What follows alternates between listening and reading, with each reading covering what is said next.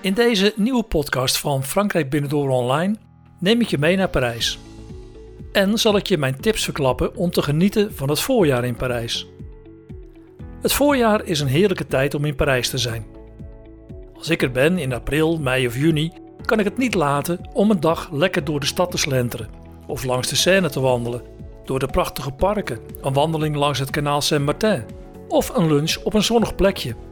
Maar er is zoveel meer om op een mooie zonnige dag van Parijs te genieten. En in deze podcast deel ik graag mijn ervaringen en hoop je hiermee te inspireren om Parijs eens op te zoeken in het voorjaar. Het voorjaarszonnetje zorgt ervoor dat overal de terrassen weer bevolkt worden. De Parijzenaar weet als geen ander het buitenleven te waarderen. Door te genieten van zijn espresso, ontbijt, lunch of diner en dat het liefst buiten op een zonnig en aangenaam terras. De tips die ik je in deze podcast over Parijs geef, zijn grotendeels van mijzelf.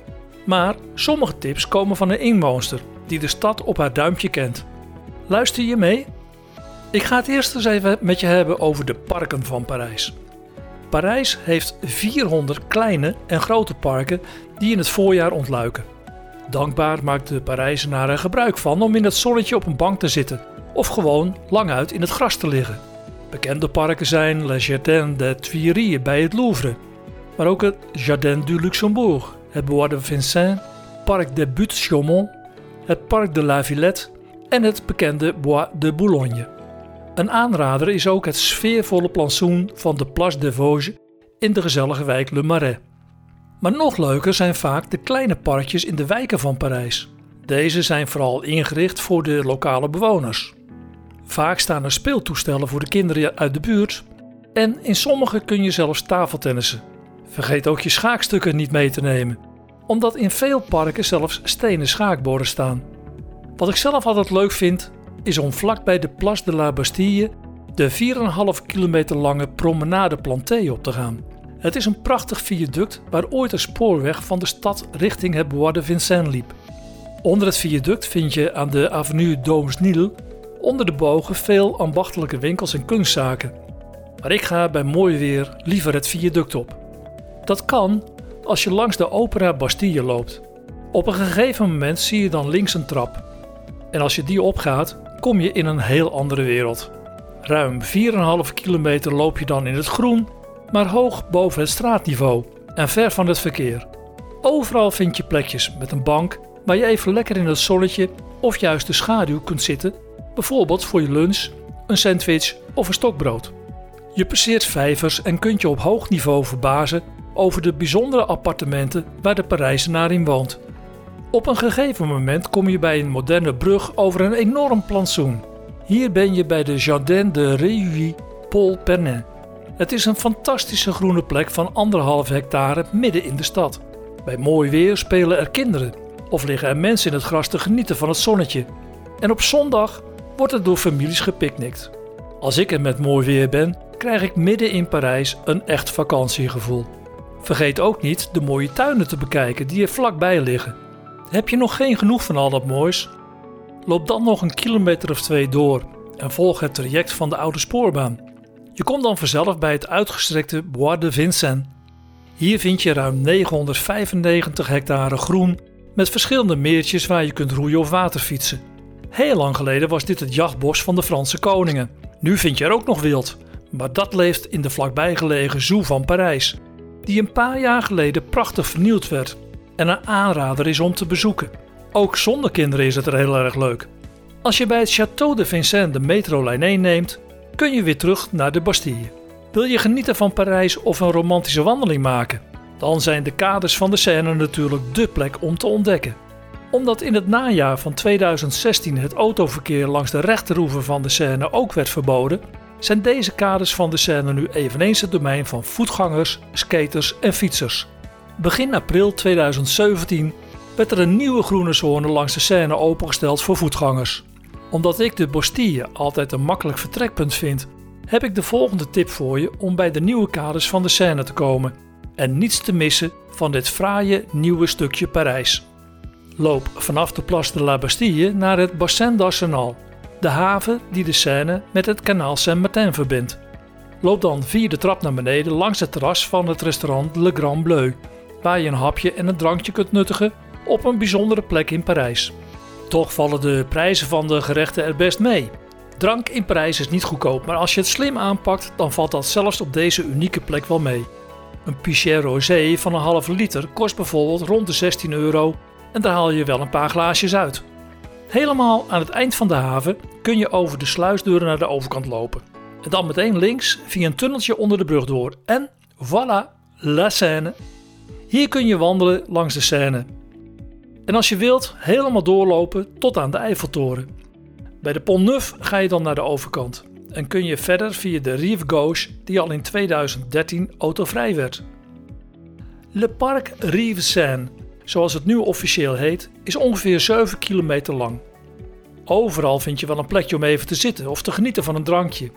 Vooral in de weekenden is het er super gezellig, maar soms ook wel een beetje druk. Ook leuk is het kanaal Saint-Martin. En voor mijn volgende tip kun je opnieuw vertrekken vanaf de Place de la Bastille.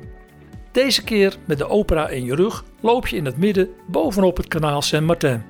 Het kanaal loopt vanaf het metrostation een paar kilometer door een tunnel onder de stad. Wil je iets bijzonders meemaken? Maak dan maar eens een rondvaart door deze tunnel en de sluizen van het kanaal. Het is een heel leuke ervaring. Maar het is voorjaar, dus het is veel leuker om het kanaal Saint-Martin bovengronds te ontdekken. Op zondag is er op de Place de la Bastille een gezellige markt.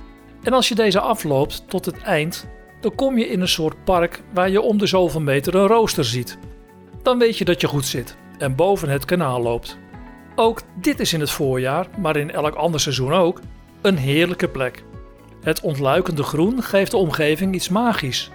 En het trekt dan ook joggers, vissers, wandelaars en genieters aan.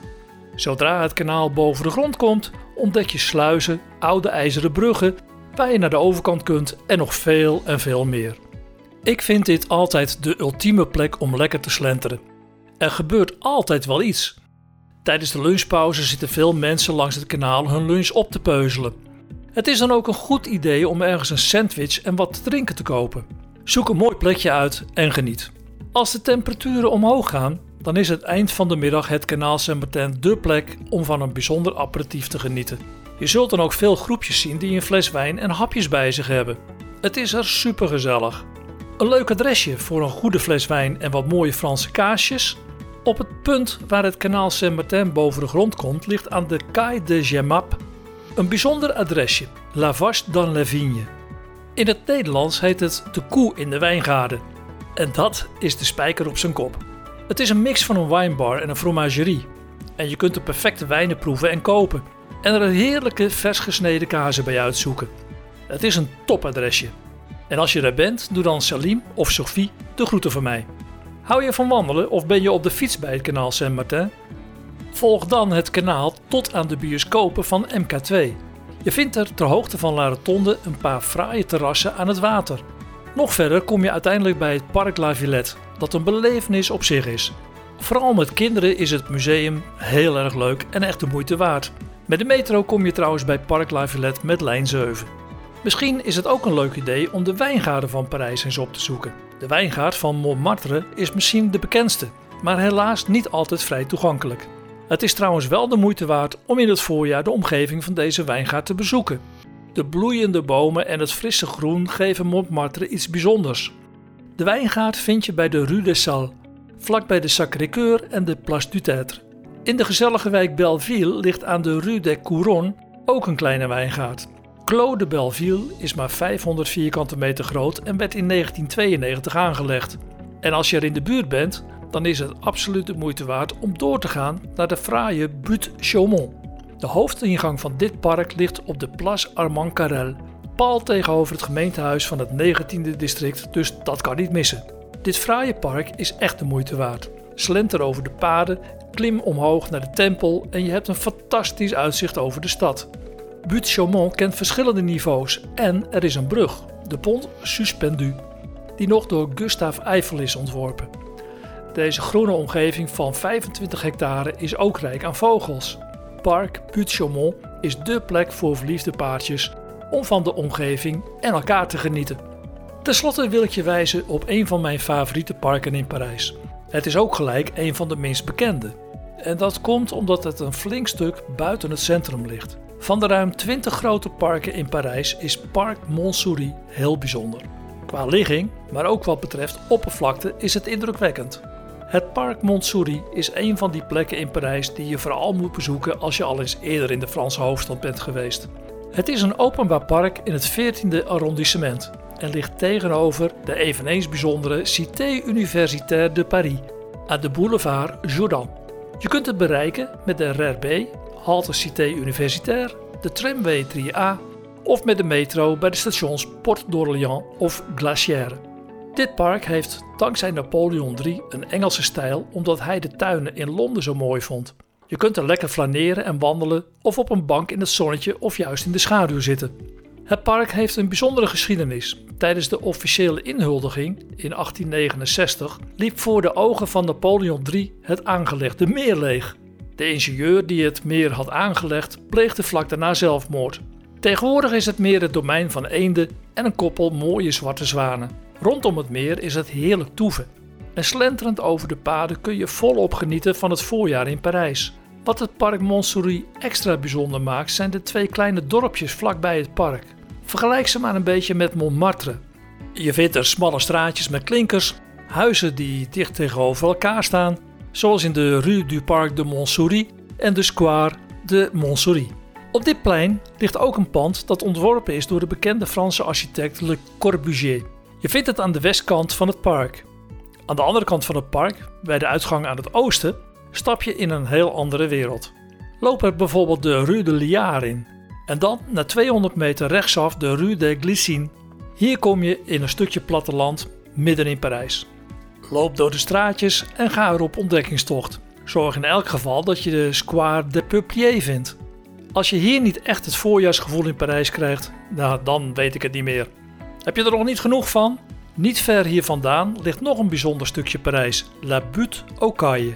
En ook dat is in het voorjaar een bijzondere plek om te ontdekken. Ik hoop je met deze podcast over Parijs weer inspiratie en leuke tips te hebben gegeven. Wil je op de hoogte blijven van nieuwe podcasts? Abonneer je dan in iTunes, Soundcloud of Stitcher. Oh ja, op frankrijkbinnendoor.nl vind je nog veel meer tips over Parijs en natuurlijk al mijn andere luistertips over Frankrijk. Tot de volgende podcast.